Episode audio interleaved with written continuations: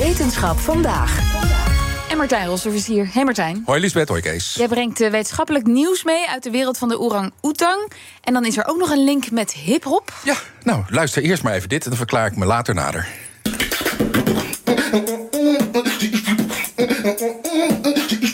Onderzoekers van de Universiteit van Warwick in Groot-Brittannië... die hebben ontdekt dat orang-oetangs tegelijkertijd twee aparte geluiden kunnen Was dit een orang-oetang? Nee, dit was een mens. Dat is het voorbeeld. Vogels kunnen dat ook, twee geluiden tegelijk. Zangvogels als de nachtegaal. En wij, mensen, zoals je zojuist hoorde, human beatboxen. Dat is het maken van meerdere geluiden tegelijk. Luister nog maar heel even naar een voorbeeldje.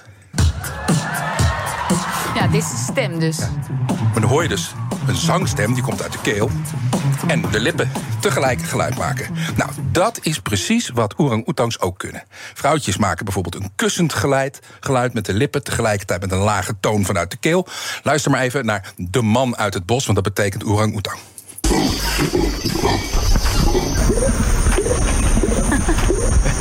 Ja, ik, ik begrijp wat je bedoelt. Klikgeluiden, tonen, gegrom. Maar ze kunnen dus dat allemaal tegelijk maken. Ja. Nou, de hoofdonderzoeker in dit dossier dat is Adriano Lamera. Hij is Associate Professor Psychology aan de Universiteit van Warwick. Ik belde hem op en ik stelde meteen de hamvraag: is hij een hip-hop fan? I grew up in in the 80s in the 90s, so yes, I, I that was the music style that uh, that cool kids were, were listening by then. Ja, de coole Cool kinderen kids, die luisterden ernaar in de jaren 90. Ja, hij zag het licht natuurlijk, omdat hij dat al- allemaal in zijn hoofd had zitten. Toen hij een orang-oetang hoorde. En hij dacht, ja, dat lijkt op human beatboxen. En die vergelijking met hip-hop die gaat verder. Dat is echt een goede vergelijking, want Adriano Lamera vertelde me dat vrouwtjes orang-oetangs al beatboxend waarschuwen voor roofdieren. Maar mannetjes, die houden battles, net als rappers. We observe them doing these simultaneous calls in pre-combat situations, which indeed is again very similar to what beatboxers do when they battle uh, each other to settle a winner. The the winner is decided purely by their vocal capacity and, and aptitude. A rap battle, basically. Exactly, exactly. Ja, dat een echte battle. Maar, maar eh, Lamera denkt dus dat apen dat doen om dezelfde re- reden als mensen dat doen. Ja, wie het stoerste is, wie het fitste is, wie het beste is. Ehm, luister nog heel even naar die beatboxende orang-oetang, alsjeblieft.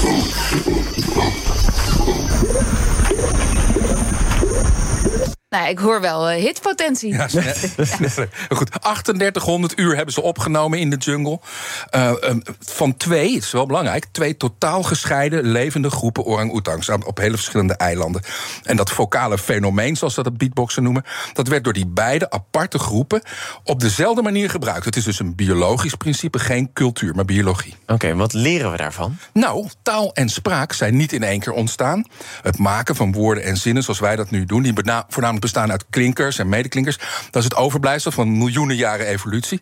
En deze ontdekking, dat zegt eh, Lamera, die onderzoeker, die zet eigenlijk de hele taalwetenschap op zijn kop. Want vroeger was menselijke spraak waarschijnlijk veel ingewikkelder dan wat we nu doen. Oh. We kennen nog wel overblijfselen, dus bewijs uit de huidige eh, populatie. De klikgeluiden van de Khoisan in zuidelijk Ja. Afrika, dat zijn overblijfselen van dat soort fenomenen in, in spraak. Ik dacht altijd, in evolutie gaan dingen van simpel eh, naar ingewikkeld. Maar dat is hier helemaal niet het geval. De menselijke taal leek in het verleden meer op dat ingewikkelde beatboxen dan wat we nu doen met onze monden.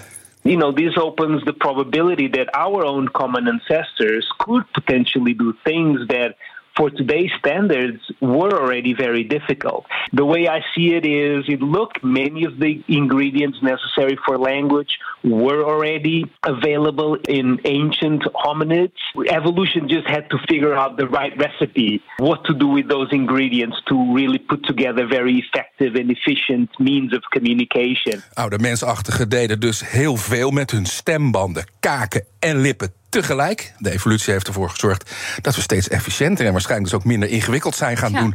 Behalve human beatboxers dan. Ja, maar goed, wij kunnen dus alleen door veel te oefenen... die taal van de oermens in ons oproepen. Want Ja. beatboxen kun je leren. Is hartstikke moeilijk, maar we kunnen het wel. Nou goed, taalkundigen kunnen hier nog jaren mee voort, verzekerde Adriano mij.